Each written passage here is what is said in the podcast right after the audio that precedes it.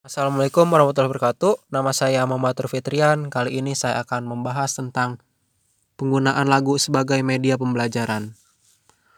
Penerapan inovasi ini adalah menggunakan sebuah lagu bertemakan mata pelajaran tertentu dan digunakan dalam mata pelajaran tersebut.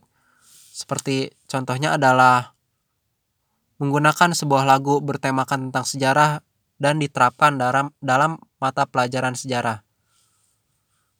Kelebihan dari inovasi ini adalah siswa dapat mendengarkan lagu tersebut kapan pun dan di mana pun dan seperti yang kita ketahui adalah seseorang mudah menghafal lirik lagu dan lebih mudah diserap oleh otak.